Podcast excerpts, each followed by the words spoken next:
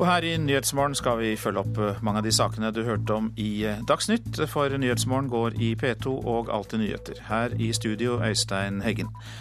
Og eh, straks skal vi høre hva Barneombudet sier til at stadig flere barn flykter fra asylmottakene. Sør- og Sør-Sudan og Sudan har gjenopptatt forhandlingene om grensedraging og fordeling av oljeinntekter. Og nå i morgentimene ringes OL inn på historisk vis.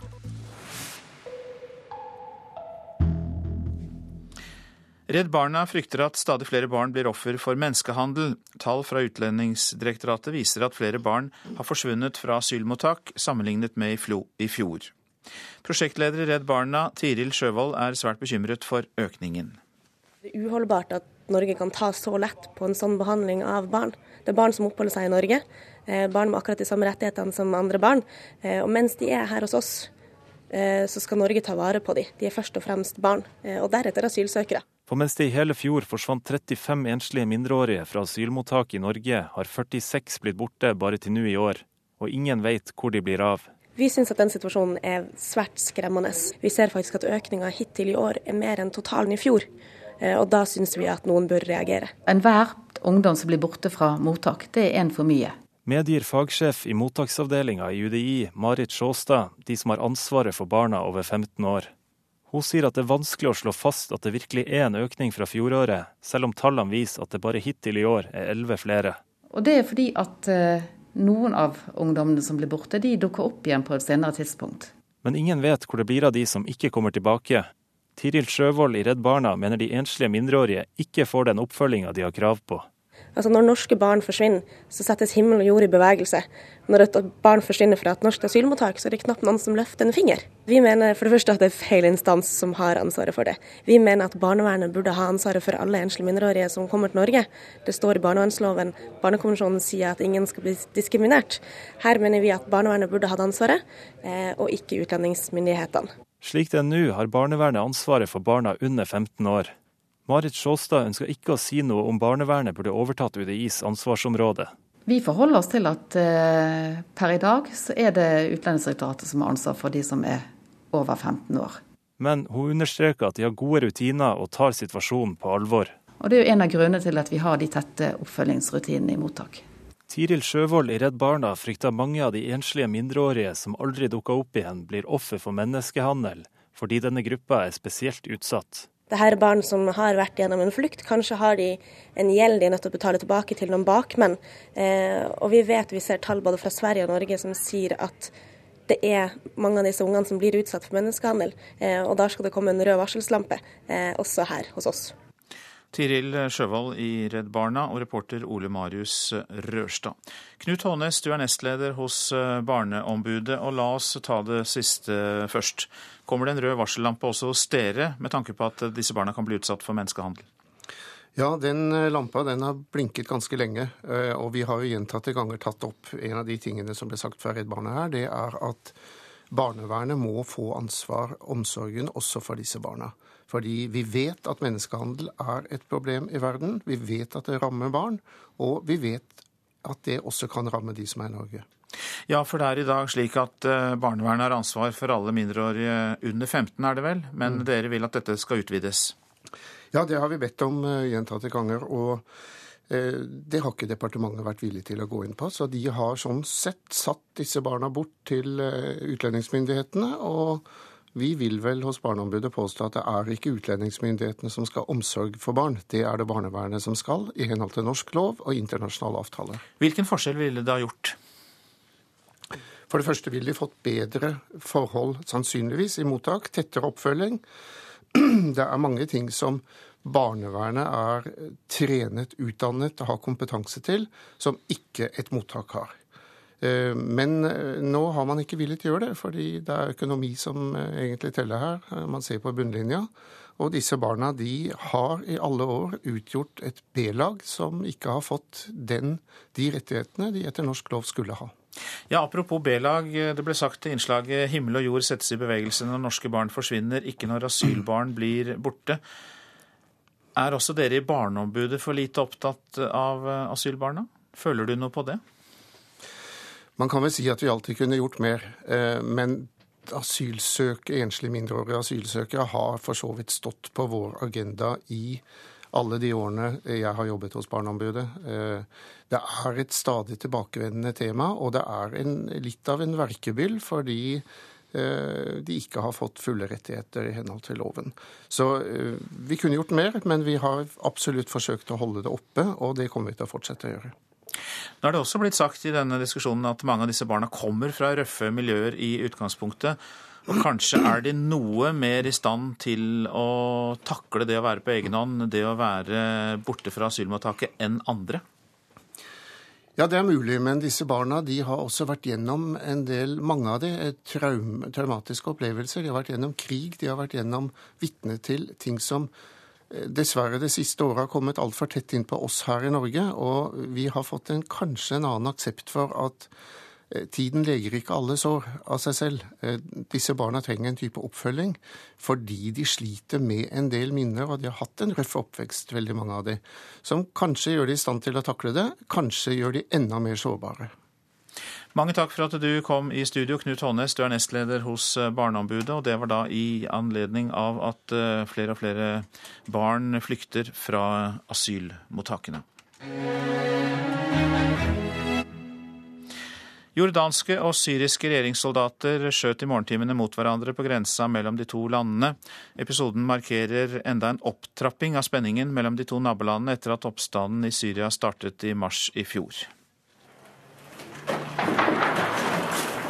Kuler fra syriske soldater rettet mot en gruppe på 300 flyktninger på vei over grensa til nabolandet i sør. Syrere på flukt fra en borgerkrig som trappes opp og blir hardere og blodigere for hver time som går. Det var visst en feiltagelse at også jordanske soldater ble truffet. Jordanerne besvarte ilden umiddelbart, og det utviklet seg til en ti minutter lang skuddveksling. En episode som ikke akkurat bedrer et allerede nedkjølt forhold mellom Syria og Jordan. Syriske myndigheter fører en streng linje i grenseområdene for å hindre at familiene til regjeringssoldater flykter til Jordan. Ifølge aktivister tvinger de familiene til å bli i Syria for å hindre at også soldatene hopper av og tar seg ut av landet. Mange syrere blir såret i forsøk på å rømme over grensa til Jordan. Likevel er det ingenting som tyder på at strømmen av flyktninger over grensa avtar. Rundt 1000 personer tar seg over grensa til Jordan hver eneste dag. Og Jordan har gitt rundt 150 000 syrere opphold siden konflikten startet i mars i fjor. Flyktningspørsmålet er blitt et stadig viktigere stridsspørsmål mellom de to landene. Denne oppdateringen fikk vi fra Nina Bull Jørgensen. Sudan og Sør-Sudan gjenopptok i går forhandlingene om grensedraging og fordeling av oljeinntekter. Forhandlingene pågår i Etiopias hovedstad Addis Abeba, og de ble brutt for en uke siden etter at fly fra Sudan slapp bomber inne på sør-sudansk territorium. Og vi har med oss Afrika-korrespondent Lars Sigurd Sunna nå. Ja, hvor stort er håpet om at de to nasjonene kan bli enige? Det internasjonale presset på regjeringen i Khartoum og Juba er iallfall massivt. Eh, Sikkerhetsrådet i FN og Freds- og sikkerhetsrådet i Den afrikanske unionen har gitt de to landene frist til 2.8 med å komme frem til enighet hvis de vil unngå sanksjoner. For 14 dager siden så mange observatører lys i tunnelen da Sudans president Omar al-Bashir og hans sørsudanske kollega Salwa Kir møttes en time i Addis Abeba og ga hverandre et symbolsk håndtrykk etterpå. Men så falt det altså seks bomber inne i Sør-Sudan, og et nytt møte mellom de to presidentene ble avlyst, før altså forhandlingene på et lavere nivå ble gjenopptatt i går. Internasjonalt press, eh, sier du, Lars Sigurd Sunna nå. Men det er vel også et økonomisk press på disse landene for å få oljeproduksjonen i gang igjen? Det knirker definitivt mest i de nasjonaløkonomiske sammenføyningene i Sør-Sudan, etter at landets oljekraner ble stengt for et halvt år siden. Regjeringen i Khartoum hadde da forsynt seg av, stjålet ble det sagt, olje som Sør-Sudan sendte i to rør gjennom Sudan til en utskipningshavn i Rødehavet. Khartoum hevdet da at oljen var tatt som betaling for bruken av rørledningsnett og utskipningsanleggene, men virkningen av de stengte oljekranene i sør rammer nå begge land veldig kraftig. Juba har snart ikke lenger penger i statskassen, og Khartoum går glipp av store inntekter fra Sør-Sudans bruk av rørledningsnettet. Ja, Det er vel et eh, kjernespørsmål i forhandlingene, da, dette hvor mye Sør-Sudan skal betale for å bruke oljerørledningene som ligger på Sudans eh, territorium. og øh, Ser man noe framdrift her? Ja, Sør-Sudan sier nå at uh, man er villig til å betale Sudan mellom 7 og 9 dollar fatet for hvert fat olje som da blir sendt gjennom de to rørene det er snakk om. Khartoum krever 36 dollar. Så her blir det nok vanskelig å møtes på midten, særlig når internasjonale tariffer for slik rørledningstransport ligger på et par dollar fatet. Og så er det noen sikkerhetsspørsmål da, i tillegg også til dette med økonomi og olje. Det dreier seg først og fremst om borgerkrigen og kamphandlingene som pågår inne i selve Sudan, altså i delstatene Darfur, Sør-Kordofan og Blånilen.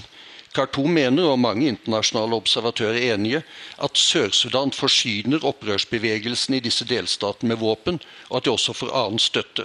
Dette blir selvsagt avvist i Juba, som på sin side hevder at Khartoum gir våpen og økonomisk støtte til militser som opererer mot regjeringsstyrkene i Sør-Sudan. Dette er et kritisk punkt i forhandlingene som pågår. og Krigshandlingene i de aktuelle delstatene i nord er svært blodige, og sivilbefolkningen rammes hardt, noe den økende flyktningstrømmen fra Sudan over grensen til Sør-Sudan er et tragisk bevis på. Sør-Sudan og Sudan står fortsatt på nyhetskartet. Takk for den oppdateringen, Afrikakorrespondent Lars Sigurd Sunna. Du lytter altså til Nyhetsmorgen, og vi drar hjem igjen for å høre om tidligere sjefer i staten som beholder sine høye lønninger. I departementene er det 67 ansatte med tittelen spesialrådgiver. Mange av dem er sparkede eller avgåtte sjefer som beholder sjefslønna, selv om de har lite personalansvar. I det stille har regjeringa bygga opp en ukjent lønnsadel, skriver VG i dag. En gjennomgang avisen har gjort, viser at minst 15 av de 67 spesialrådgiverne i staten tjener mer enn ministerne de jobber under. To av dem har til og med høyere lønn enn statsministeren. Tidligere PST-sjef Janne Kristiansen ble tvunget til å gå fra stillinga si, men tjener fortsatt 1,3 millioner kroner, nå som spesialrådgiver i Justisdepartementet. Tidligere riksadvokat Georg Riber-Moen er lønnsvinner i samme departement, med en lønn på drøye 1,4 millioner kroner. Finansdepartementet sier til VG at det er nødvendig med en så høy lønn for å beholde dyktige medarbeidere i konkurranse med andre arbeidsgivere, mens Høyres finanspolitiske talsmann Arve Kambe advarer mot å ta for lettvint på å lønne dyre rådgivere med skattebetalernes penger. Spesialrådgiverne bør ikke automatisk få lederlønn uansett hvilke arbeidsoppgaver de får, mener Høyre. Og det sa reporter Linda Reinholdsen. Ja, Klokka den passerte nettopp 7.16. Dette er eh, Nyhetsmorgen i eh, NRK P2 og Alltid nyheter. Vi har disse hovedsakene. Redd Barna og Barneombudet frykter at stadig flere barn blir offer for menneskehandel. Stadig flere forsvinner fra asylmottak. Jordanske og syriske regjeringssoldater skjøt i morgentimene mot hverandre på grensa mellom de to landene. Og vi skal eh, snart høre at de store bokhandlerne gjør det unødvendig vanskelig å lese norske e-bøker. Ja, det mener en dataekspert. Nå om kampfiksing i fotballen. Det er eh, lite trolig at noen tar seg bryet med å manipulere norske fotballkamper bare for å satse penger på dem her i landet. Det sier kommunikasjonsdirektør i Norsk Tipping Einar Busterud. Det er lettere å lure seg unna politiets kontroll når man satser på fiksede kamper som spilles i utlandet, sier han. Nei, Han vil være vanskeligere å identifisere. Eh, han vil generelt kunne spille for mer penger. Eh, antagelig også får høyere tilbakebetaling.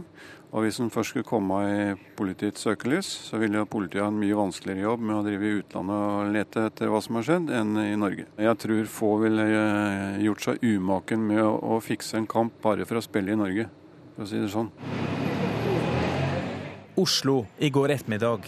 En politietterforsker blar gjennom dokumenter bak vinduet til et butikklokale.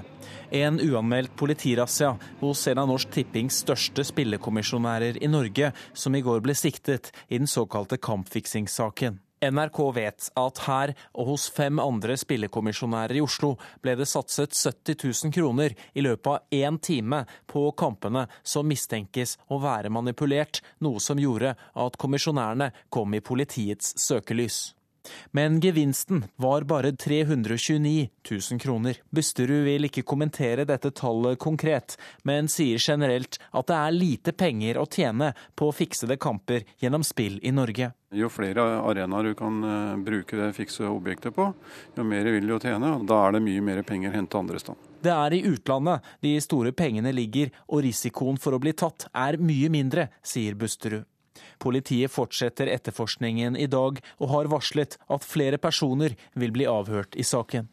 Sa reporter Haldor Asvald, og Ann Kristin Listøl bidro også til å lage dette innslaget. I dag åpner de olympiske sommerleker i London. Alle spekulasjonene rundt åpningsseremonien får sin utløsning i kveld. Men allerede nå i morgentimene ringes OL inn på historisk vis.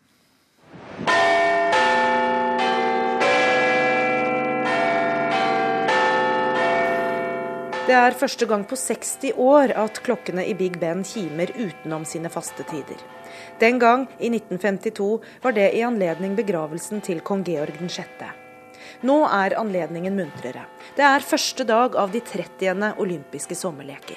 This work consists of trying to ring all of the bells in the whole of Britain for three minutes as loudly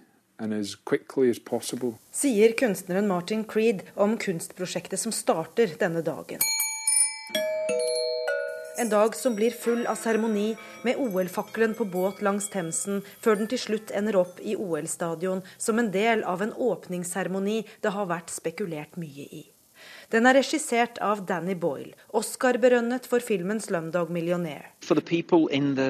Stadium that they would be able to have a good laugh. Det vi vet, er at OL-stadion er bygd opp som et engelsk landskap. At det skal være sauer på scenen.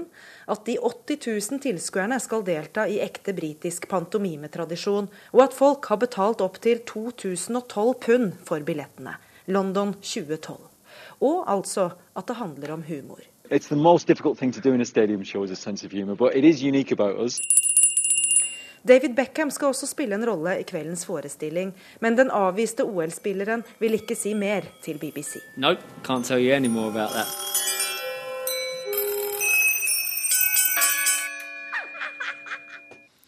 Og eh, korrespondent i London, Gry Blekastad Alme og Sund følger da selvfølgelig de olympiske leker, og laget dette innslaget til oss. Gøril Kringlen, du er med oss fra studio i Trondheim. Og eh, Kringen, du har spilt 72 kamper for det norske fotballandslaget, og du er olympisk mester fra OL i Sydney. Og du har også vært med i VM og EM. Og eh, hva er dine inntrykk fra disse åpningsseremoniene? Betyr de noe for deltakerne, eller er det bare for oss som ser på? Nei, eh, sjøl så fikk jeg dessverre ikke være med på åpningsseremonien, fordi at vi, vi, var ikke kommet til Sydney ennå når, når, den var. Men, men, det er klart, eh, det er jo ei, spesiell følelse å være der. Jeg har snakka med andre som har vært der, og det, det er stort og det, det, er spennende. Men samtidig så, så er det veldig slitsomt for utøverne, så derfor velger mange bort det òg. Ja, Så det er mest stas for oss som ser på, kanskje? Ja, det er nok det. Det er stas for oss òg, men, eh, men det, man har jo veldig sånn fokus på, på, å optimalisere i forhold til prestasjonen sin. Så, så det å stå, stå, så lenge og se på et stort show, det, det er ikke det gunstigste. Du, eh, Gøril Kringen, jeg har lyst til å, at vi skal kose oss litt med det øyeblikket i 2000 da dere vant uh, OL. Det sitter sikkert etset fast hos deg. Kan du dele noen av de inntrykkene med oss igjen? Ja, det, det, kan jeg veldig gjerne. Eh, som du sier, det, det er et fantastisk øyeblikk i, i min karriere og, og, de andre norske fotballjentene sin karriere. Og, og vi, vi, møtte jo storfavoritten USA i, i finalen, 2-2 eh, ved full tid. Og den gangen så, så ble uh, uavgjorte kamper avgjort ved golden goal. Og, og det øyeblikket når uh, Dagny Melgren uh, trille ballen i mål. Eh, og vi vet at eh, vi er OL-mestere. Det, det, er helt fantastisk. Og jeg kjenner jeg får ståpelsen når jeg snakker om det nå Nå er jo ikke fotballjentene kvalifisert i år, dessverre. Men uh, hvem skal du følge med på? Ja, eh, som, eh, som lagspillutøver så, så, er det klart at håndballjentene fenger meg som, som, alle andre. Og de er vel også de, de største, største gullkandidatene våre i det mesterskapet her. Så har du jeg som de fleste andre. Så lenge, så lenge det norske utøvere som er med i et stort mesterskap, så er det spennende. Så det blir sikkert både å se litt badminton og andre ting, svømming, og, men vi krysser jo også fingrene for Torkelsen og Tufte og Verås Larsen og håper at de eh, kommer i god gammel slag, da. Mm. Håndballjentene er jo med, da. og Hva tror du de og treneren fokuserer på nå like før det bryter løs? Nei, det er det å være godt forberedt. Det handler om å Jeg skulle ikke si gjøre det meste så vanlig som mulig, og, og de de har jo prestert godt i store mesterskap før og, og, har gode rutiner på det, så jeg er helt sikker på at uh, de nyter stunda og, og gleder seg til det kastes i gang. Du, Før vi gir slipp på deg, Gøril Kringen, er det noen utenlandske utøvere som imponerer deg? Å ja, uh, allerede. OL har jo allerede starta, tjuvstarta med, med fotball. Uh, på, på, både dame- og herresida. Der, der, har vi gode utøvere. Og så er det jo masse spennende utøvere. Bolt blir jo alltid artig å se, men klarer å bli den legenden han har uttalt at han sjøl vil bli. Så det, det blir mange høydepunkt og det blir mange timer i, i TV-stolen de nærmeste ukene. Det tar vi med oss. Hjertelig takk til deg, olympisk mester fra OL i Sydney i 2000. Fra det norske fotballandslaget, Gøril Kringen. Nå til eh, avisene, og der har de også OL i fokus, noen av dem. I morgen skulle nemlig Alexander Dale Oen svømt i OL. Foreldrene er stolte over alt han betydde, forteller de til Bergens Tidende og til Aftenposten. Mona Dale og Ingolf Oen er i London for å følge opp sønnens engasjement. Møter veggen i Kina, skriver Finansavisen om Statoil. Oljeselskapet får ikke være med når Kina bygger ut verdens største forekomster av skifergass. Båtvrak er på førstesiden av Stavanger Aftenblad. 5000 fritidsbåter vrakes hvert år, og svært mange av dem forsøpler kysten. Regjeringen vurderer en returordning, og det er også et ønske fra bransjen selv. Hybel på boks leser vi i Dagens Næringsliv. Prisgaloppen på studenthybler fører til at hybelcontainere laget i Kina kan bli en løsning på leiemarkedet i Stavanger. Skal han få skrive hva han vil, spør Dagsavisen om Anders Behring Breivik. AUFs advokat mener særregler er unødvendige. Det er bare å stoppe Breiviks brev til høyreekstreme, sier han. 75 år gamle Arve Tellefsen pryder Dagbladets forside i dag. Fiolinisten sier at han elsker å være småbarnsfar til 11 år gamle Sofie og 8 år gamle Cecilie.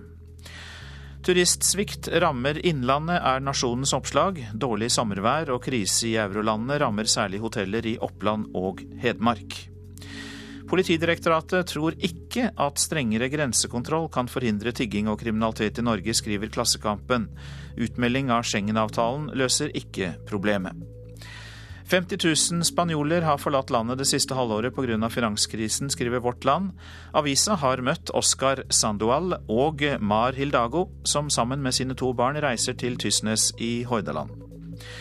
Nordlys forteller om maskinførernes bonusfest. Gode resultater eh, fører til at Målselv Maskin og Transport gir de ansatte opptil 100 000 kroner hver i bonus. Feiret i flaskeregn, skriver Adresseavisen om Rosenborg, som er videre i Europaligaen etter den eh, sammenlagtseieren de fikk i går mot det kasakhstanske laget Urdabasi. Hjemmesupportere kastet flasker da Rosenborg skåret på overtid.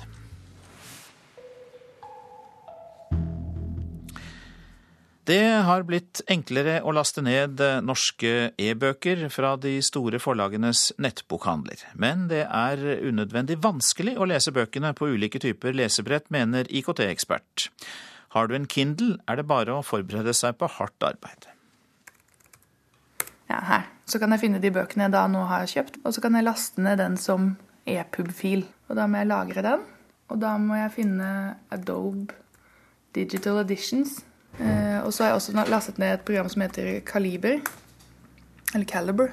Og det er på en måte det som omformaterer programmet til, den, til det formatet den skal ha. Kristin Hamran Storøsten, ivrig e-bokleser og blogger, måtte gjennom mange steg for å få de norske e-bøkene over på Amazons lesebrett Kindle.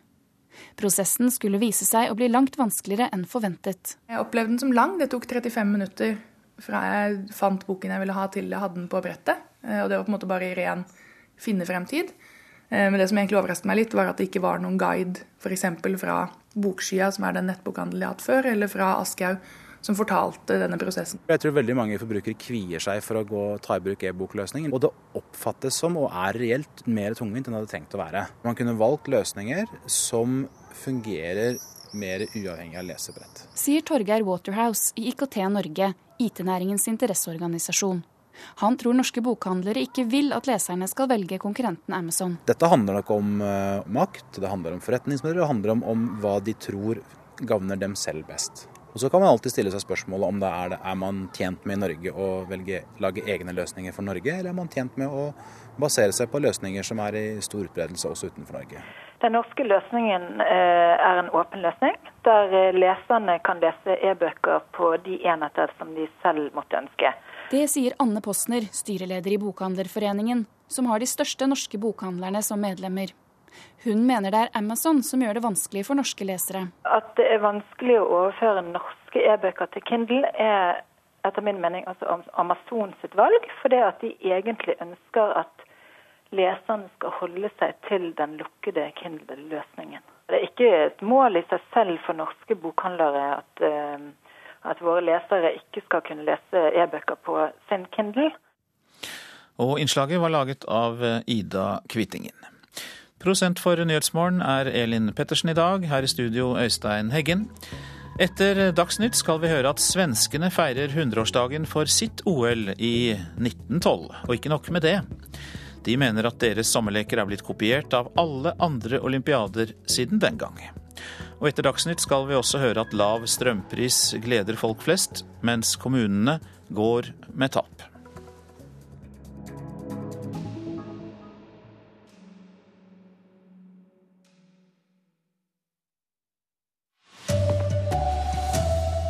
Asylbarn kan være offer for menneskehandel, frykter Redd Barna.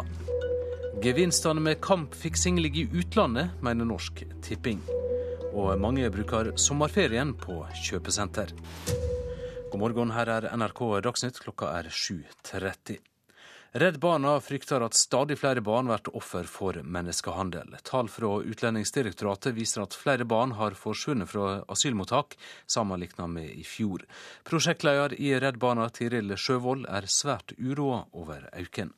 Det er uholdbart at Norge kan ta så lett på en sånn behandling av barn. Det er barn som oppholder seg i Norge. Eh, barn med akkurat de samme rettighetene som andre barn. Eh, og mens de er her hos oss, eh, så skal Norge ta vare på dem. De er først og fremst barn, og deretter asylsøkere. For mens det i hele fjor forsvant 35 enslige mindreårige fra asylmottak i Norge, har 46 blitt borte bare til nå i år. Og ingen vet hvor de blir av. Vi syns at den situasjonen er svært skremmende. Vi ser faktisk at økninga hittil i år er mer enn totalen i fjor. Og da syns vi at noen bør reagere. Enhver ungdom som blir borte fra mottak, det er en for mye medgir fagsjef i mottaksavdelinga i UDI, Marit Sjåstad, de som har ansvaret for barna over 15 år. Hun understreker at de ser alvorlig på situasjonen, men sier at det er vanskelig å slå fast at det virkelig er en økning fra fjoråret, selv om tallene viser at det bare hittil i år er elleve flere. Og Det er fordi at uh, noen av ungdommene som blir borte, de dukker opp igjen på et senere tidspunkt. Men ingen vet hvor det blir av de barna som ikke kommer tilbake, Sjøvold i Redd Barna frykter mange blir offer for menneskehandel, fordi denne gruppa er spesielt utsatt. Dette er barn som har vært gjennom en flukt. Kanskje har de en gjeld de er nødt til å betale tilbake til noen bakmenn. Eh, og vi vet, vi ser tall både fra Sverige og Norge som sier at det er mange av disse ungene som blir utsatt for menneskehandel. Eh, og da skal det komme en rød varselslampe, eh, også her hos oss. Reporter Ole Marius Rørstad. Det er eh, lite trolig at noen vil ta seg bryet med å manipulere norske fotballkamper bare for å satse pengene på de her i landet. Det sier kommunikasjonsdirektør i Norsk Tipping, Einar Busterud. Han mener de store pengegevinstene ligger hos utenlandske spilleselskap, og ikke her i landet. Jeg tror få ville eh, gjort seg umaken med å fikse en kamp bare for å spille i Norge, for å si det sånn. Oslo i går ettermiddag.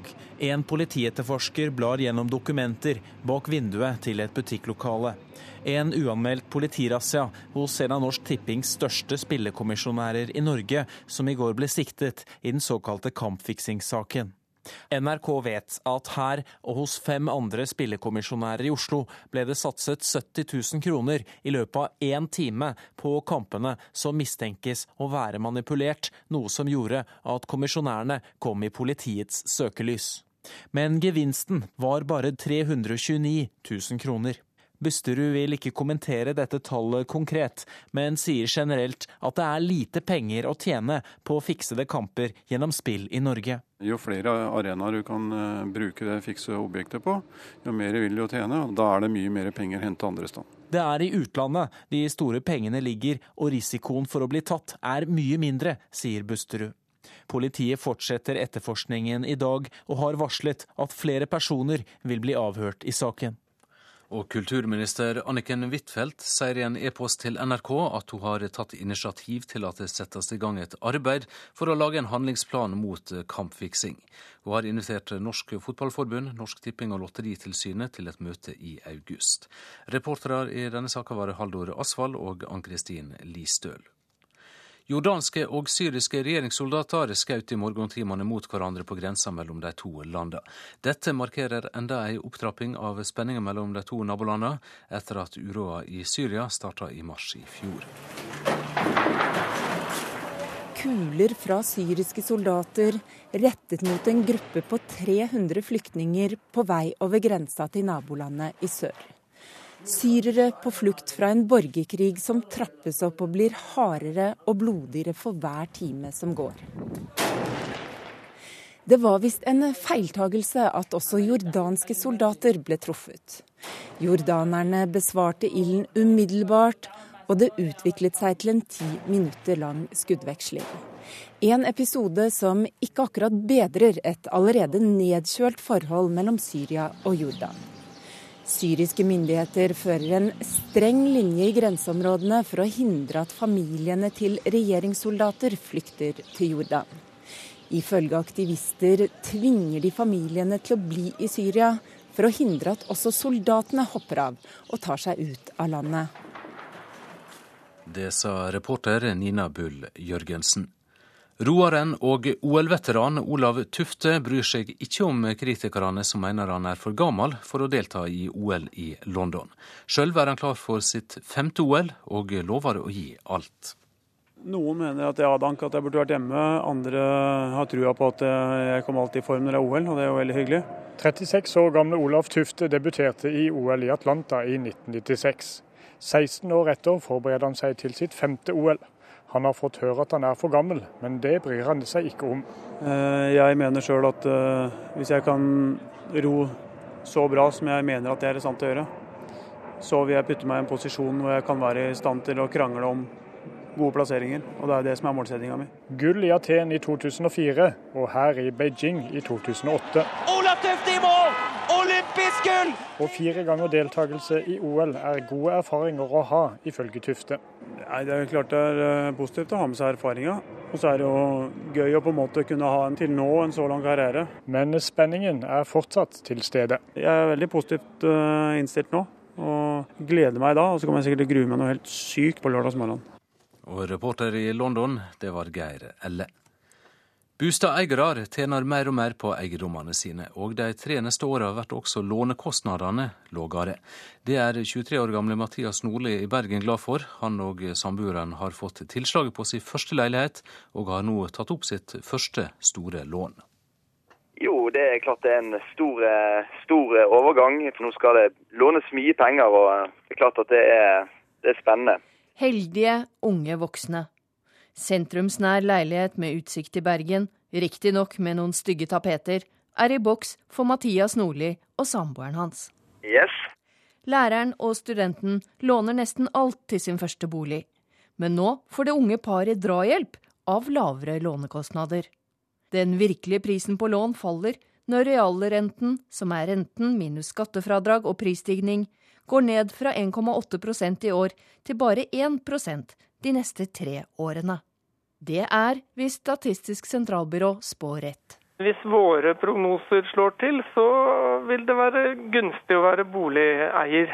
Sier forskningsleder Torbjørn Eika i SSB. Og tross advarsler fra regjeringen, fra Finanstilsynet og fra OECD, norske husholdninger fortsetter å låne mer. De tre neste årene blir i alle fall den økte gjelden billigere å betale på. Reporter Hedvig Bjørgum. Og det kan kanskje føre til at folk får enda mer penger mellom hendene, for norske kjøpesenter tjener iallfall godt nå i år pga. det dårlige sommerværet. NRK har snakka med flere av de største kjøpesentrene, som alle forteller om økt omsetning nå i sommermånedene. På Storo storsenter i Oslo er det mange som flykter inn. Lett sted å søke tilflukt når det er dårlig vær, vil jeg tro. Ja, det, Statistikken viser alltid at man uh, gjerne bruker gjerne kjøpesentrene når det er dårlig vær spesielt. Nå er det sånn at Nordmenn handler uh, mye mer når vi har uh, sånne regnsomre. Hvorfor tror du de gjør det? Fordi de må være inne. det er enkleste? Ja, fordi det er kjedelig å være ute i regnet. Men det er ikke alle som klager på været. Norske kjøpesentre går så det griner når sommeren er våt og grå.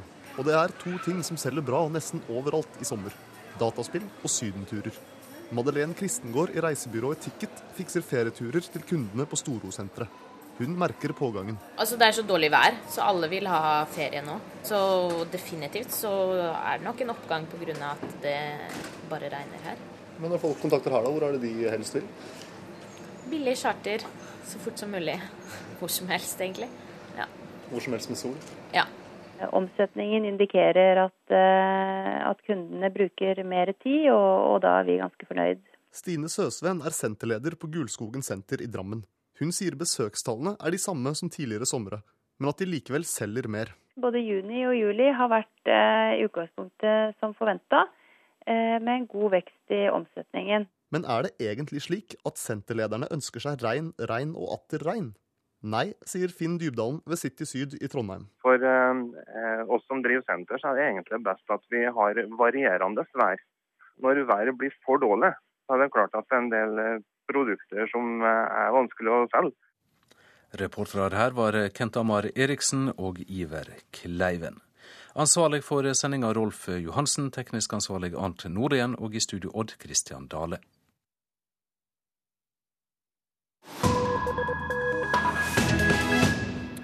P2s Nyhetsmorgen er programmet du lytter til.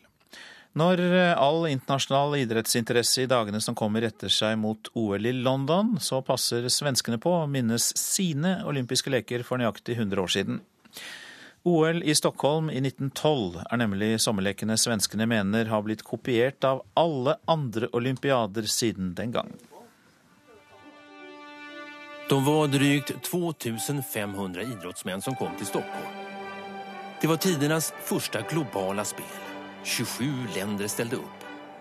Vissa deltagare hadde rest i veckor. Slik skildrer TV-journalisten Jens Lind åpningsseremonien under de femte olympiske sommerlekene i Stockholm den 6. juli 1912. Det er fullsatt på innvigningen. 25 000 åskådere. Solskinnsolympiaden er den blitt kalt pga. det fantastiske været og fordi disse lekene ble så vellykkede fra ende til annen. Ja, derfor at det var et helt nytt grep. At ha det komprimert. Det var duktig arrangert. De hadde tenkt på alt. Så de, hadde, de visste hvordan man arrangerer sier Gunilla Lydén. Hun er den i Sverige som kan mest om OL i Stockholm i 1912. Det var hennes organisasjon, Sveriges sentralforening for idrettens fremme, som skaffet lekene til Stockholm. Jeg treffer henne i solskinnet på den samme fantastiske stadion 100 år senere. Hit valfarter mange, sier hun. Og Senest nå når Jacques Rogge var her og sier at, at eh, Stockholms-OS er som en blueprint vi gjør det på samme sett, fast noe større. Et blåpapir for senere olympiader. Ja, ikke bare var leken i Stockholm banebrytende når det gjaldt organisering, men også teknikk. Her ble f.eks. elektrisk tidtaking og målfoto brukt for første gang. Og dette var idrettsbegivenheten som ble filmet i sin helhet. Et enormt bildeminne for ettertiden, men også til samtidig opplevelse for alle dem som ikke hadde råd til å gå på stadion. Det som skjedde på stadion på dagen, det kunne folk se på dagen derpå på eh, kortfilmsbiografer. Hele Stockholm hadde jo en liten biograf i varenda hörn. Så dit kunne folk som ikke hadde råd å gå på stadion, de kunne se konkurransene eh, dagen derpå på sin lokale biograf. Mange spektakulære OL-hendelser er dokumentert fra 1912, som semifinalen i bryting mellom russeren Klein og finnen Asikainen, som varte i 11 timer og 40 minutter. Eller den japanske maratonløperen Siso Kanakori, som aldri kom i mål. Han brøt sammen og ble tatt hånd om av en familie langs løypa, hvorpå han reiste hjem til Japan uten å melde fra til arrangørene. 54 år senere vendte han tilbake til Stockholm og fullførte på tiden 54 år, 8 måneder, 6 dager, 32 minutter og 20,3 sekunder. Nå står London-OL for døra. Sebastian Coe, formann i organisasjonskomiteen for lekene der, har også studert Stockholms-OL i 1912. Sebastian Coe har også vært her og lest veldig mye. Han sa vi gjør akkurat samme sak i London, fast ganger et antall. Det, det blir større. Men selve konseptet er nesten som det var 1912. Det er en allmenn oppfatning i, i den olympiske verden. Ja, det sa Gunilla Lydén i Sveriges sentralforening for idrettens fremme. Reporter Kjell Pilstrøm, og for ordens skyld, vertslandet Sverige ble beste nasjon i sommer-OL i 1912 med hele 65 medaljer. Norge kom på åttendeplass med ni medaljer.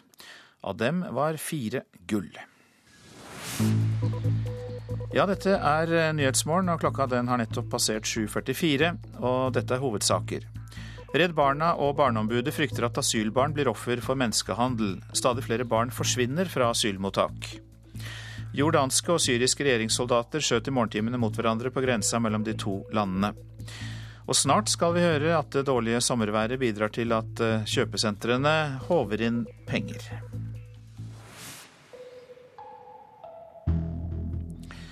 Boligeierne tjener mer og mer på eiendommene sine, og de tre neste årene blir også lånekostnadene lavere. Det er 23 år gamle Mathias Nordlid i Bergen glad for. Han og samboeren har fått tilslaget på sin første leilighet, og han er på vei til banken for å låne masse penger. Jo, det er klart det er en stor, stor overgang. For nå skal det lånes mye penger, og det er klart at det er, det er spennende. Heldige unge voksne sentrumsnær leilighet med utsikt til Bergen, riktignok med noen stygge tapeter, er i boks for Mathias Nordli og samboeren hans. Yes. Læreren og studenten låner nesten alt til sin første bolig. Men nå får det unge paret drahjelp av lavere lånekostnader. Den virkelige prisen på lån faller når realrenten, som er renten minus skattefradrag og prisstigning, går ned fra 1,8% i år til bare 1% de neste tre årene. Jo, det var veldig kjekt å høre. det er hvis Statistisk sentralbyrå spår rett. Hvis våre prognoser slår til, så vil det være gunstig å være boligeier. Sier forskningsleder Torbjørn Eika i SSB. Vi tror at eh, de rentene som folk vil stå overfor, vil falle litt framover. Og Det kommer bl.a. av at uh, det har vært en nedgang i pengemarkedsrenta siden uh, slutten av fjoråret. Og tross advarsler fra regjeringen, fra Finanstilsynet og fra OECD, norske husholdninger fortsetter å låne mer. De tre neste årene blir i alle fall den økte gjelden billigere å betale på. Ja, det er å tenke på at det er forsvarlig, at det, at det er noe som lar seg betale ned. Det syns jeg var viktig, i hvert fall. Så har valgt å ikke gjøre noe halsbrekkende stunt her, og, og låne innenfor det jeg føler er realistisk og klarer å betale ned. Nykommeren på boligmarkedet, Mathias Nordlid, er ikke bekymret for gjelden sin. At det lønner seg å eie bolig, er ikke 23-åringen i tvil om. Og ikke forsker Torbjørn Eika i Statistisk sentralbyrå heller. Kombinasjonen av høy inntektsvekst, som vi regner med vil fortsette, høy befolkningsvekst, som vi regner med vil fortsette, og det at renta ikke går noe vesentlig opp, men snarere ned, litt ned på kort sikt. Det gjør at boligprisveksten eh, kan fortsette å være relativt høy, av typen 5-6-7 eh, Reporter her, det var Hedvig Bjørgum. Norske kjøpesentre tjener fett på det dårlige sommerværet. NRK har snakket med flere av landets største sentre, som alle forteller om økt omsetning i sommermånedene. På Storo Storsenter i Oslo er det mange som eh, flykter innendørs. Lett sted å søke tilflukt når det er dårlig vær, vil jeg tro. Om man har fri. altså, ja. Ja, det, Statistikken viser alltid at man uh, gjerne bruker gjerne kjøpesentrene når det er dårlig vær spesielt. Nå er det sånn at Nordmenn handler uh, mye mer når vi har uh, sånne regnsomre. Hvorfor tror du de gjør det? Fordi de må være inne. det er enkleste. Ja, fordi det er kjedelig å være ute i regnet. Men det er ikke alle som klager på været. Norske kjøpesentre går så det griner når sommeren er våt og grå. Og det er to ting som selger bra nesten overalt i sommer. Dataspill og sydenturer. Madeleine Kristengård i reisebyrået Ticket fikser ferieturer til kundene på Storosenteret. Hun merker pågangen. Altså Det er så dårlig vær, så alle vil ha ferie nå. Så definitivt så er det nok en oppgang pga. at det bare regner her. Hvor mye tror du været påvirker folks eh, reiselyst? Det tror jeg er en veldig stor påvirkning. Men når folk kontakter her, da, hvor er det de helst vil? Billig charter så fort som mulig. Hvor som helst, egentlig. Ja. Hvor som helst med sol? Ja. Omsetningen indikerer at, eh, at, kundene bruker mer tid, og, og, da er vi ganske fornøyd. Stine Søsven er senterleder på Gulskogen senter i Drammen. Hun sier besøkstallene er de samme som tidligere somre, men at de likevel selger mer. Både juni og juli har vært eh, i utgangspunktet som forventa, eh, med en god vekst i omsetningen. Også andre sentre har merket at kundene handler mer.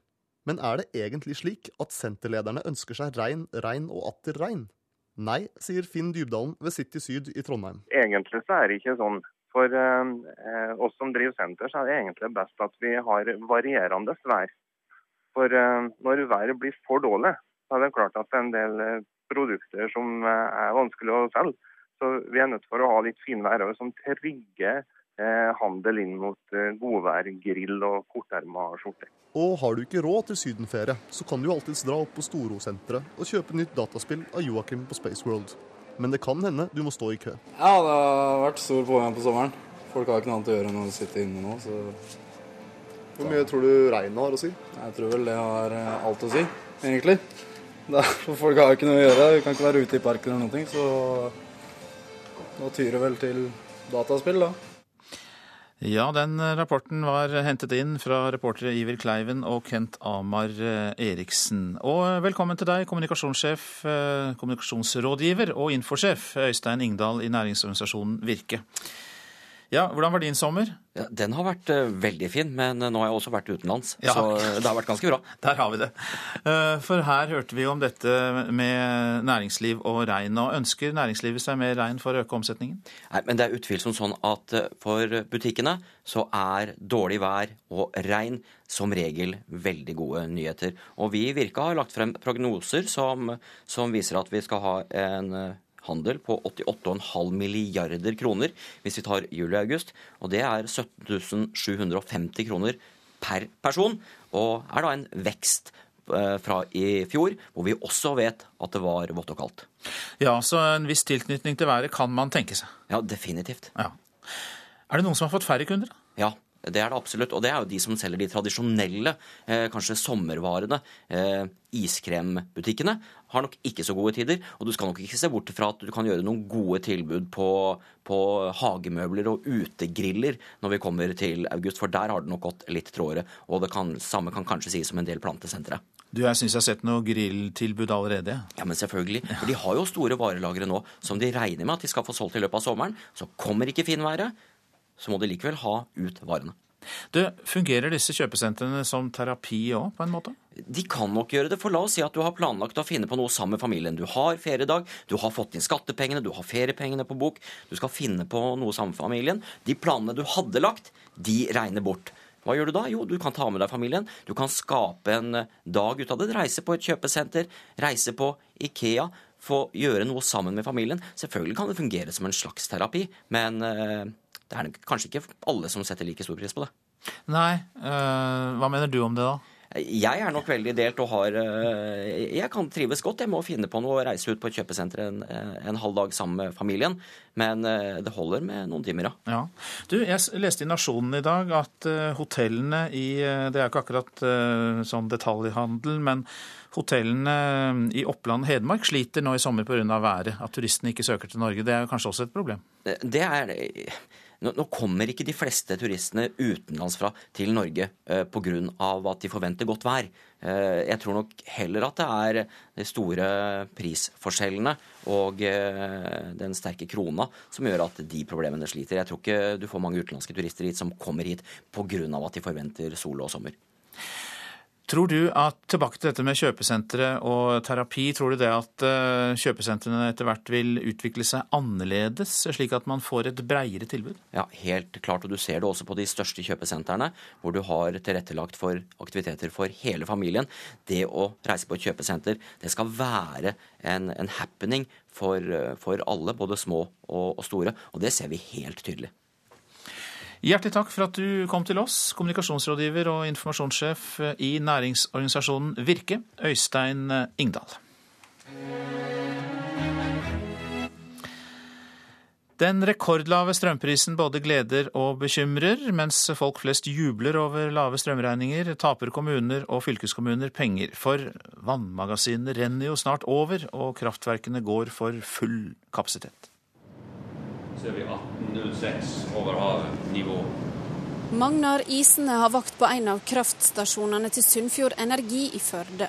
Fossen buldrer og spruter kraftigere enn på lenge etter en mild sommer med mye nedbør. Kraftselskapet har smekkfulle magasin, og i kraftstasjonen i Brulandsfossen går det så det griner. Men likevel renner store vassmengder rett forbi, konstaterer isene. Her går ca. 93 kubikk nå. Det er da eh, 30 kubikk overløp. Sommerregnet har gitt historisk lave strømpriser, men låg strømpris fører til at mange kraftkommuner taper penger. En av de største kraftkommunene i Sogn og Fjordane er Høyanger.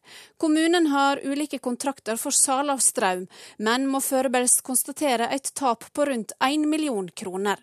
Nå frykter rådmann i Høyanger, Arve Varden, at tapene kan bli større. Når vi ser framover, så er det en bekymring i forhold til siden Høyang kommune eh, har gjort seg avhengig av kraftinntekter, så er vi eh, selvsagt urolig hvis inntektene våre vil gå ned framover. Hvis en ikke vil få, eh, få, de inntektene som vi har lagt i våre langtidsbudsjett. Det, da vil vi ha en utfordring som vi er nødt til å jobbe videre med. Ja, Hvordan kan de berge dere, da? Nei, altså Hvis vi ikke får de inntektene som vi har lagt inn, så jo, må vi jo se på kostnadssida vår. Og, eh, og da er det klart dette med den strømprisen som er nå, vi må, eh, vi må til å simulere en del modeller for å se hvordan dette blir også for 2013 og framover. Også flere fylkeskommuner budsjetterer med verdifulle inntekter på salg av strøm.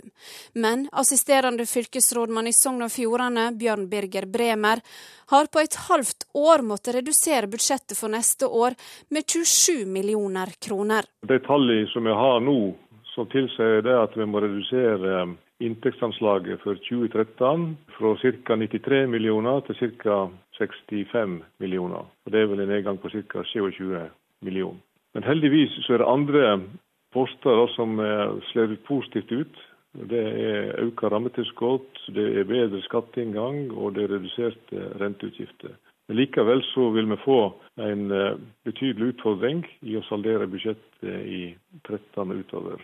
Det er klart en, en, en, skikkelig utfordring. Men for folk på gata er ei strømregning som er langt mindre enn vanlig, positiv å betale. Det var vel eh, ganske rimelig. Det har jeg ikke sett på, men jeg har lagt merke til at strømmen er billig. Men jeg tviler på det bare. Hva syns du om den siste strømregninga du betalte? Nei, Den var helt OK, den. Ikke noe å klage på. Hadde det vært halvparten, så hadde det vært bedre. Jeg syns det kunne vært litt billigere. Tenk på hvor mye nedbør vi får. Hva syns du om den siste strømregninga du betalte? Det var bra. Jeg hadde bare fått vekk noe nettleie, så kunne vi leve med dette. For Magnar Isene er inspeksjonen straks over. Han konstaterer at det er lite å gjøre med alt vannet de ikke får utnytta. Vannet må nå bare få renne, må slippe det forbi.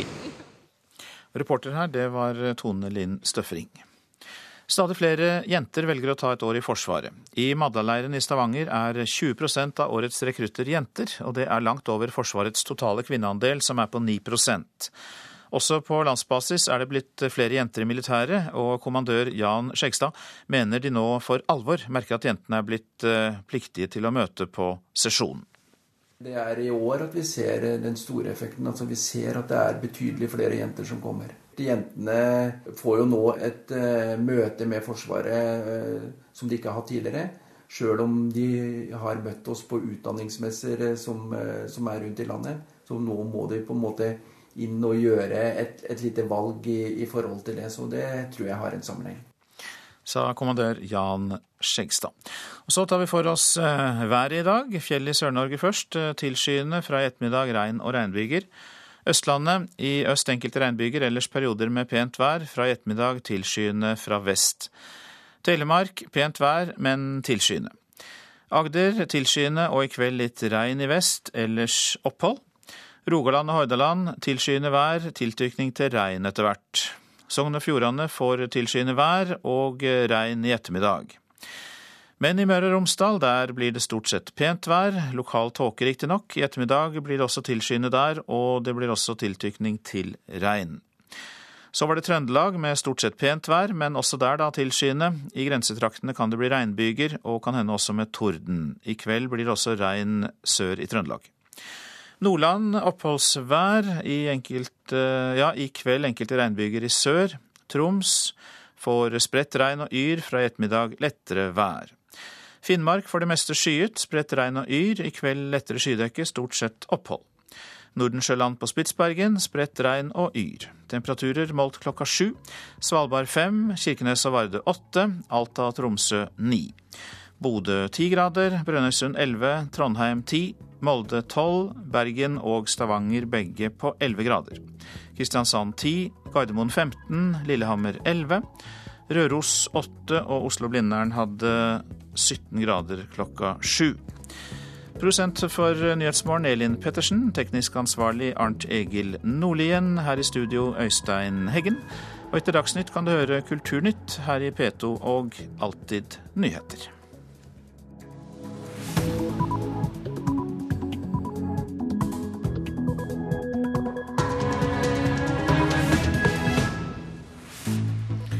Og Nyhetsmorgen fortsetter i P2 og Alltid nyheter. Vi skal høre mer om at Barneombudet og Redd Barna frykter at flere asylbarn blir utsatt for menneskehandel.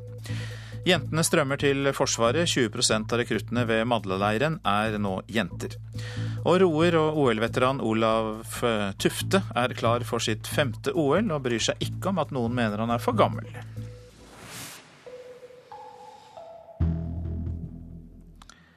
Redd Barna frykter at stadig flere barn blir offer for menneskehandel. Tall fra Utlendingsdirektoratet viser at flere barn har forsvunnet fra asylmottak sammenlignet med i fjor. Prosjektleder i Redd Barna, Tiril Sjøvold, er svært bekymret for økningen. Det er uholdbart at Norge kan ta så lett på en sånn behandling av barn. Det er barn som oppholder seg i Norge, eh, barn med akkurat de samme rettighetene som andre barn. Eh, og mens de er her hos oss, eh, så skal Norge ta vare på dem. De er først og fremst barn, og deretter asylsøkere. For mens det i hele fjor forsvant 35 enslige mindreårige fra asylmottak i Norge, har 46 blitt borte bare til nå i år. Og ingen vet hvor de blir av. Vi syns at den situasjonen er svært skremmende. Vi ser faktisk at økninga hittil i år er mer enn totalen i fjor. Eh, og da syns vi at noen bør reagere. Enhver ungdom som blir borte fra mottak, det er en for mye. Medgir fagsjef i mottaksavdelinga i UDI, Marit Sjåstad, de som har ansvaret for barna over 15 år. Hun sier at det er vanskelig å slå fast at det virkelig er en økning fra fjoråret, selv om tallene viser at det bare hittil i år er elleve flere. Og Det er fordi at uh, noen av ungdommene som blir borte, de dukker opp igjen på et senere tidspunkt. Men ingen vet hvor det blir av de som ikke kommer tilbake. Tiril Sjøvold i Redd Barna mener de enslige mindreårige ikke får den oppfølginga de har krav på. Altså Når norske barn forsvinner, så settes himmel og jord i bevegelse. Når et barn forsvinner fra et norsk asylmottak, så er det knapt noen som løfter en finger. Vi mener for det første at det er feil instans som har ansvaret for det. Vi mener at barnevernet burde ha ansvaret for alle enslige mindreårige som kommer til Norge. Det står i barnevernsloven. Barnekonvensjonen sier at ingen skal bli diskriminert. Her mener vi at barnevernet burde hatt ansvaret, eh, og ikke utlendingsmyndighetene. Slik det er nå, har barnevernet ansvaret for barna under 15 år. Marit Sjåstad ønsker ikke å si noe om barnevernet burde overtatt UDIs ansvarsområde. Vi forholder oss til at eh, per i dag så er det Utlendingsdirektoratet som har ansvar for de som er over 15 år. Men hun understreker at de har gode rutiner og tar situasjonen på alvor. Og Det er jo en av grunnene til at vi har de tette oppfølgingsrutinene i mottak. Tiril Sjøvold i Redd Barna frykter mange av de enslige mindreårige som aldri dukker opp igjen, blir offer for menneskehandel, fordi denne gruppa er spesielt utsatt. Dette er barn som har vært gjennom en flukt. Kanskje har de en gjeld de er nødt til å betale tilbake til noen bakmenn. Eh, og vi vet, vi ser tall både fra Sverige og Norge som sier at det er mange av disse ungene som blir utsatt for menneskehandel. Eh, og da skal det komme en rød varselslampe, eh, også her hos oss.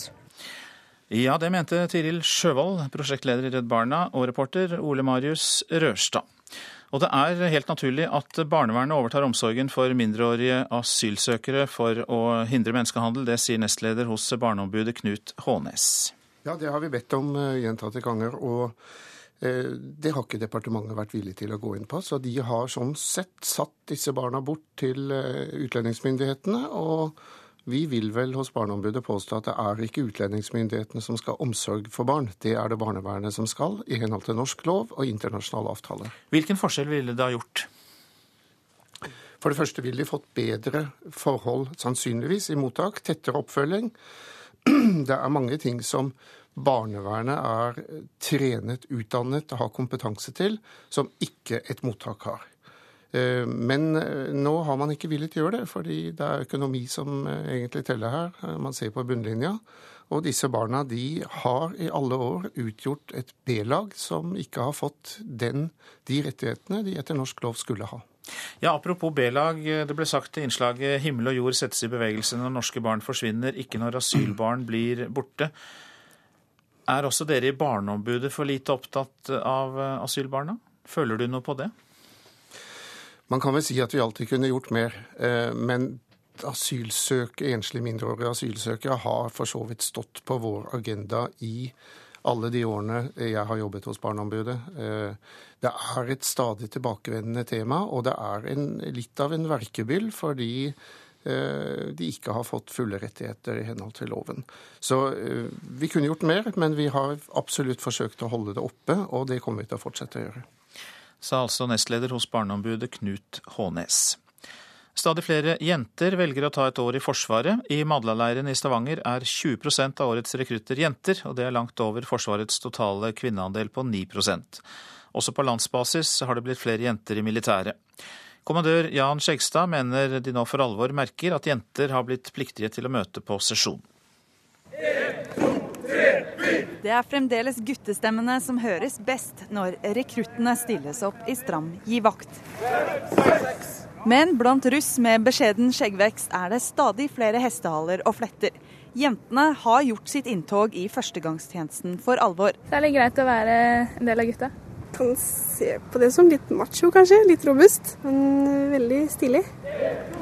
Kine Røtterud og Linn Velsin har bare vært på Madlaleiren noen få dager. Men om de hadde valgt Forsvaret uten sesjonsplikt, det er de ikke helt sikre på. Jeg hadde gjort det uansett, tror jeg.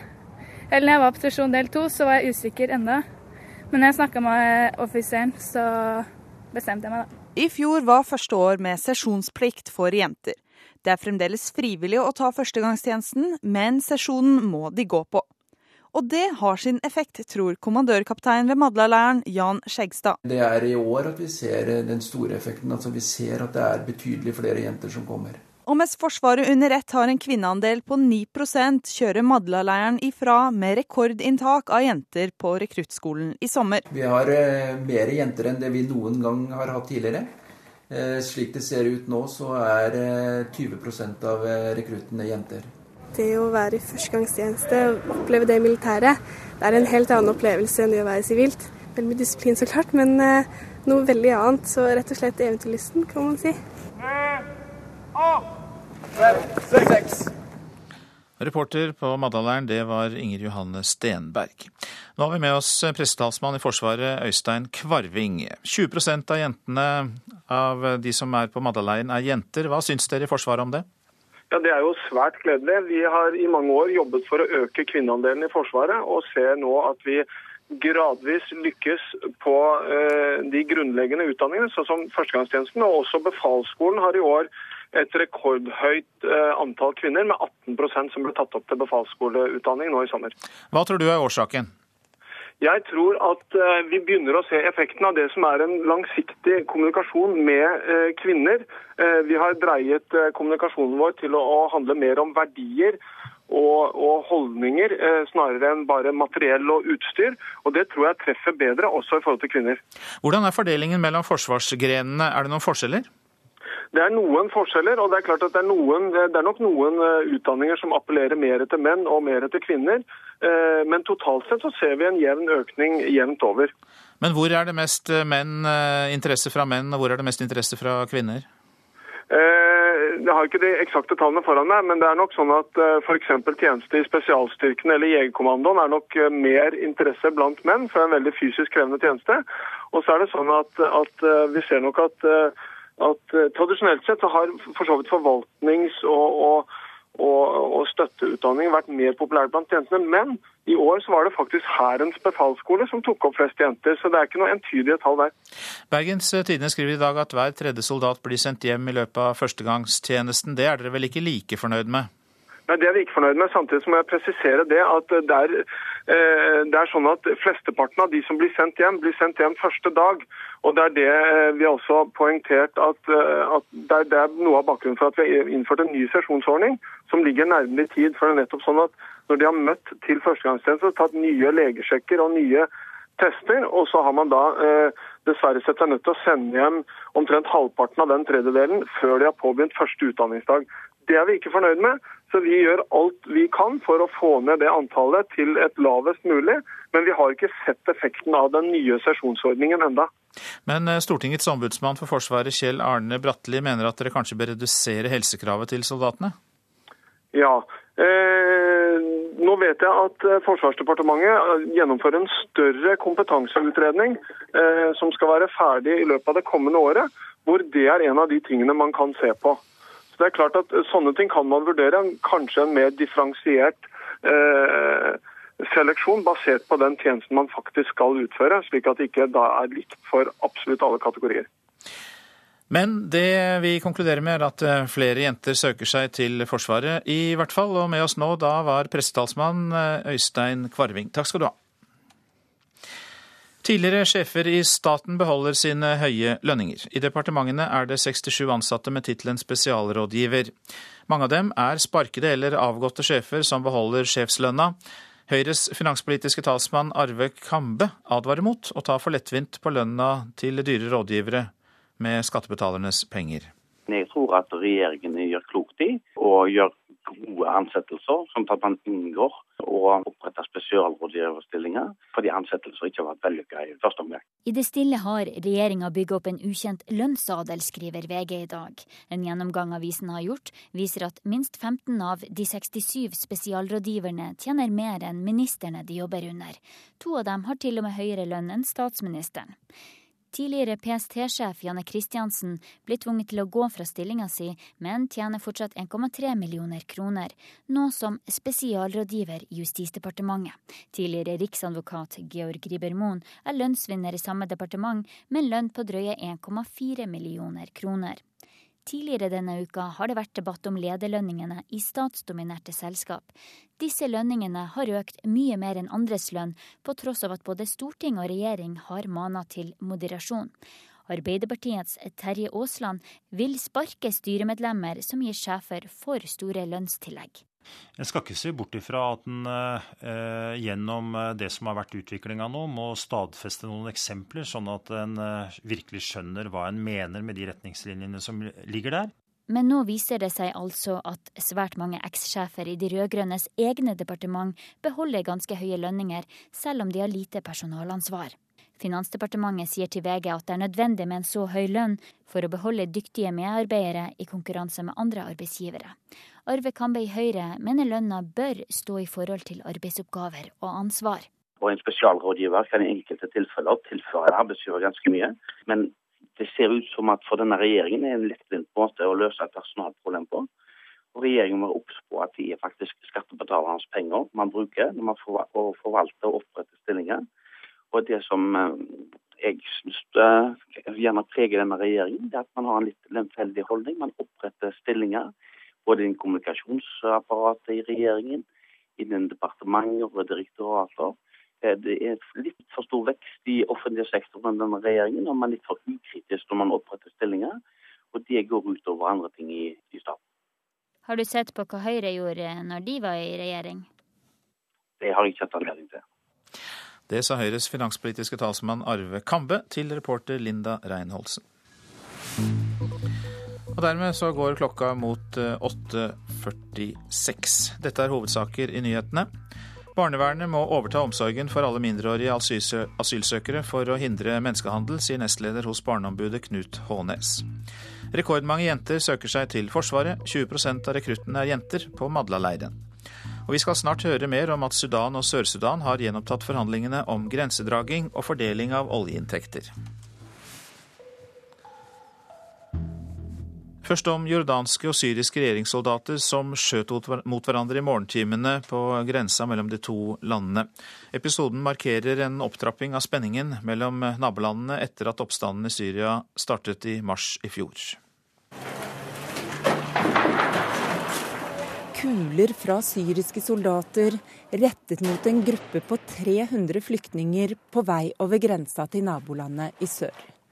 Syrere på flukt fra en borgerkrig som trappes opp og blir hardere og blodigere for hver time som går.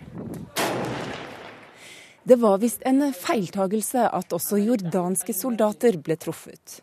Jordanerne besvarte ilden umiddelbart, og det utviklet seg til en ti minutter lang skuddveksling. En episode som ikke akkurat bedrer et allerede nedkjølt forhold mellom Syria og Jordan. Syriske myndigheter fører en streng linje i grenseområdene for å hindre at familiene til regjeringssoldater flykter til Jordan. Ifølge aktivister tvinger de familiene til å bli i Syria for å hindre at også soldatene hopper av og tar seg ut av landet. Mange syrere blir såret i forsøk på å rømme over grensa til Jordan. Likevel er det ingenting som tyder på at strømmen av flyktninger over grensa avtar. Rundt 1000 personer tar seg over grensa til Jordan hver eneste dag. Og Jordan har gitt rundt 150 000 syrere opphold siden konflikten startet i mars i fjor. Flyktningspørsmålet er blitt et stadig viktigere stridsspørsmål mellom de to landene. Sa reporter Nina Bull Jørgensen, og en syrisk parlamentariker som representerer Aleppo, har hoppet av og befinner seg i Tyrkia. Hun er den første fra nasjonalforsamlingen som forlater Syria. Hun sier til Sky News at hun hoppet av pga. det hun kaller undertrykking og brutal tortur mot nasjonen. Sudan og Sør-Sudan har gjenopptatt forhandlingene om grensedraging og fordeling av oljeinntekter. Forhandlingene pågår i Etiopias hovedstad Addis Abeba. De ble brutt for en uke siden etter at et fly fra Sudan slapp bomber inne på sør-sudansk territorium. Partene har stort press på seg for å bli enige, sier Afrikakorrespondent Lars Sigurd Sunnano. Det internasjonale presset på regjeringen i Khartoum og Juba er iallfall massivt. Sikkerhetsrådet i FN og Freds- og sikkerhetsrådet i Den afrikanske unionen har gitt de to landene frist til 2.8 med å komme frem til enighet hvis de vil unngå sanksjoner. For 14 dager siden så mange observatører lys i tunnelen da Sudans president Omar al-Bashir og hans sørsudanske kollega Salwa Kiir møttes en time i Addis Abeba og ga hverandre et symbolsk håndtrykk etterpå. Men så falt altså seks bomber inne i Sør-Sudan, og et nytt møte mellom de to presidentene ble avlyst, før altså forhandlingene på et lavere nivå ble gjenopptatt i går. Internasjonalt press, eh, sier du, Lars Sigurd Sunna nå. Men det er vel også et økonomisk press på disse landene for å få oljeproduksjonen i gang igjen? Det knirker definitivt mest i de nasjonaløkonomiske sammenføyningene i Sør-Sudan etter at landets oljekraner ble stengt for et halvt år siden. Regjeringen i Khartoum hadde da forsynt seg av, stjålet ble det sagt, olje som Sør-Sudan sendte i to rør gjennom Sudan til en utskipningshavn i Rødehavet. Khartoum hevdet da at oljen var tatt som betaling for bruken av rørledningsnett og utskipningsanleggene, men virkningen av de stengte oljekranene i sør rammer nå begge land veldig kraftig. Juba har snart ikke lenger penger i statskassen, og Khartoum går glipp av store inntekter fra Sør-Sudans bruk av rørledningsnettet. Ja, Det er vel et eh, kjernespørsmål i forhandlingene, da, dette hvor mye Sør-Sudan skal betale for å bruke oljerørledningene som ligger på Sudans eh, territorium. og øh, Ser man noe framdrift her? Ja, Sør-Sudan sier nå at uh, man er villig til å betale Sudan mellom 7 og 9 dollar fatet for hvert fat olje som da blir sendt gjennom de to rørene det er snakk om. Khartoum krever 36 dollar. Så her blir det nok vanskelig å møtes på midten, særlig når internasjonale tariffer for slik rørledningstransport ligger på et par dollar fatet. Afrikakorrespondent Lars Sigurd Sunnanå. Så til avisene. I morgen skulle Alexander Dale Oen svømt i OL. Foreldrene er stolte over alt han betydde, forteller de til Bergens Tidende og Aftenposten. Mona Dale og Ingolf Oen er i London for å følge opp sønnens engasjement. Møter veggen i Kina, skriver Finansavisen om Statoil. Oljeselskapet får ikke være med når Kina bygger ut verdens største forekomster av skifergass. Båtvrak er på førstesiden av Stavanger Aftenblad. 5000 fritidsbåter vrakes hvert år, og svært mange av dem forsøpler kysten. Regjeringen vurderer returordning, og det er også et ønske fra båtbransjen selv. Hybel på boks, leser vi i Dagens Næringsliv. Prisgaloppen på studenthybler fører til at hybelkonteinere fra Kina kan bli løsningen på leiemarkedet i Stavanger. Skal han få skrive hva han vil, spør Dagsavisen om Anders Behring Breivik. AUFs advokat mener særregler er unødvendige, for det er bare å stoppe Breiviks brev til høyreekstreme, sier han. 75 år gamle Arve Tellefsen pryder Dagbladets forside. Fiolinisten sier han elsker å være småbarnsfar til 11 år gamle Sofie og 8 år gamle Cecilie. Turistsvikt rammer Innlandet, er nasjonens oppslag. Dårlig sommervær og krise i eurolandene rammer særlig hoteller i Oppland og Hedmark. Politidirektoratet tror ikke at strengere grensekontroll kan forhindre tigging og kriminalitet i Norge, skriver Klassekampen. Utmelding av Schengen-avtalen løser ikke problemet. 50 000 spanjoler har forlatt landet det siste året pga. finanskrisen, skriver Vårt Land. Avisa har møtt Oscar Sandoval og Mar Hildago, som sammen med sine to barn reiser til Tysnes i Hordaland. Nordlys forteller om maskinførernes bonusfest. Gode resultater fører til at Målselv Maskin og Transport gir de ansatte opptil 100 000 kroner hver i bonus. Feiret i flaskeregn, skriver Adresseavisen om Rosenborg, som er videre i Europaligaen etter sammenlagtseieren mot det kasakhstanske laget Ordabasi. Hjemmesupporterne kastet flasker da Rosenborg skåret på overtid. Nå skal vi hygge oss med litt mer OL-stoff, og svømmeren Ingvild Snildal hun er i sitt livsform. livs form. I lekene stiller hun opp på 100 og 200 meter butterfly. Snildal tok gull i EM i mai, og egne forventninger er derfor ekstra store. Jeg har aldri vært i bedre form, så jeg har kjent på trening nå de siste ukene at jeg, har aldri svømt fortere og vært mer stabil på trening og svømt bedre teknisk. Ting skal jo stemme på dagen nå, så det får bare satse på at det gjør det. Og så langt i år har det stemt for Snildal. I mai ble hun europamester på 100 meter butterfly, men best i EM er ikke det samme som best i olympiske leker. Jeg må nok svømme betydelig mye fortere, eh, og det skal jeg gjøre òg. Det er planen. Jeg, jeg, ikke, jeg, vet jo ikke hva semien går på, finalen går på, men eh, klaffer alt, så er jeg i finalen, og da det er som sagt alt mulig og at det er flere norske jenter som gjør det bra. Bl.a. Sara Nordenstam, som ble europamester på 200 meter bryst, gir ekstra selvtillit. Det viser jo for meg at det er mulig for oss norske med så lite bassengmulighet og, som vi har. Jeg svømmer jo en øvelse som det er enda tightere på, enda mindre marginer, så jeg må ha det på min side hvis det skal gå, gå, den, gå helt til topps. Ingvild Snilldal til reporter Morten Røkeberg. Norges yngste OL-deltaker skal bli best i OL. Ja, den 18 eh, år gamle skytteren Malin Vesterheim fra Østfold er treffsikker, og eh, forhåpentligvis er hun best når det gjelder.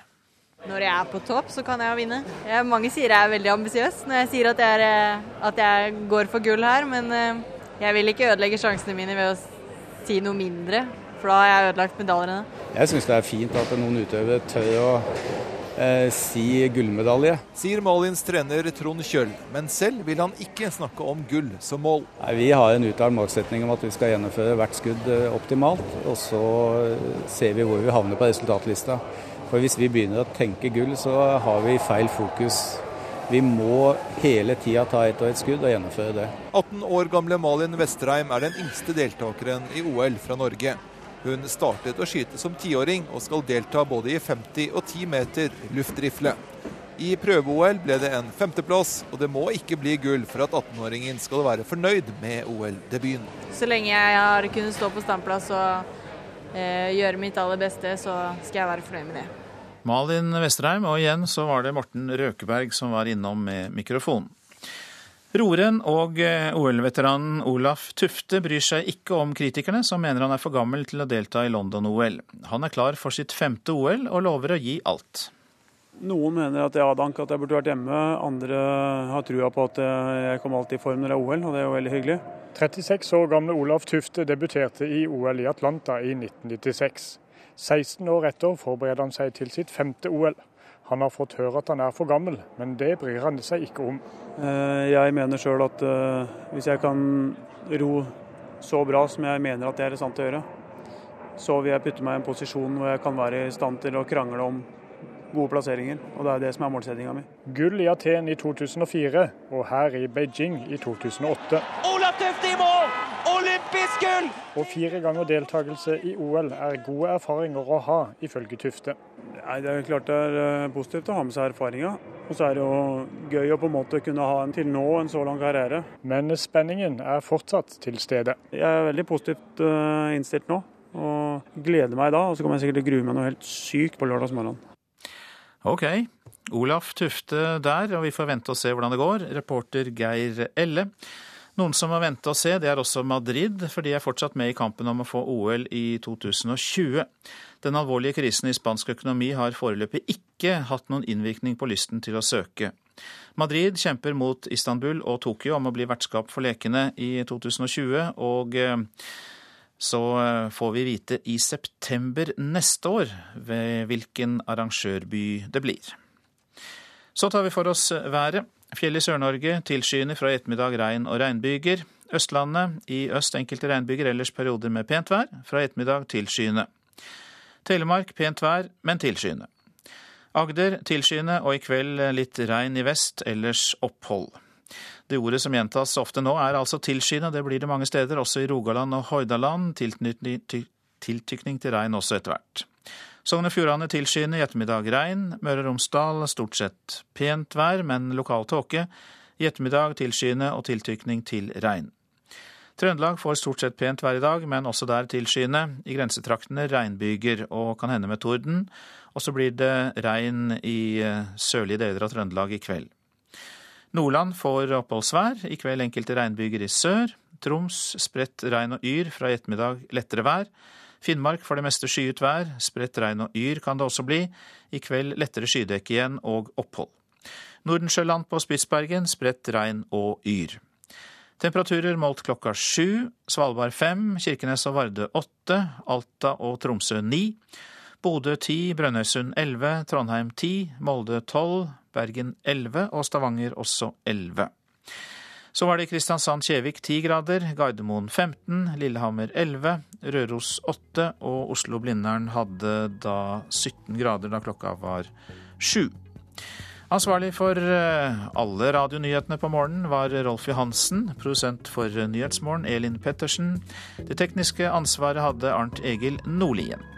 Her nærmest mikrofonen Øystein Heggen, og vi minner om at det er flere nyheter på nrk.no for datamaskin, nettbrett og mobil. P2 fortsetter etter Dagsnytt med samfunnsprogrammet Ekko. Alltid nyheter sender en reprise av Nyhetsmorgen. Og fra klokka 11 sendes BBC World Service. Og så er det jo selvfølgelig også da Nyhetslunsj klokka 12.30.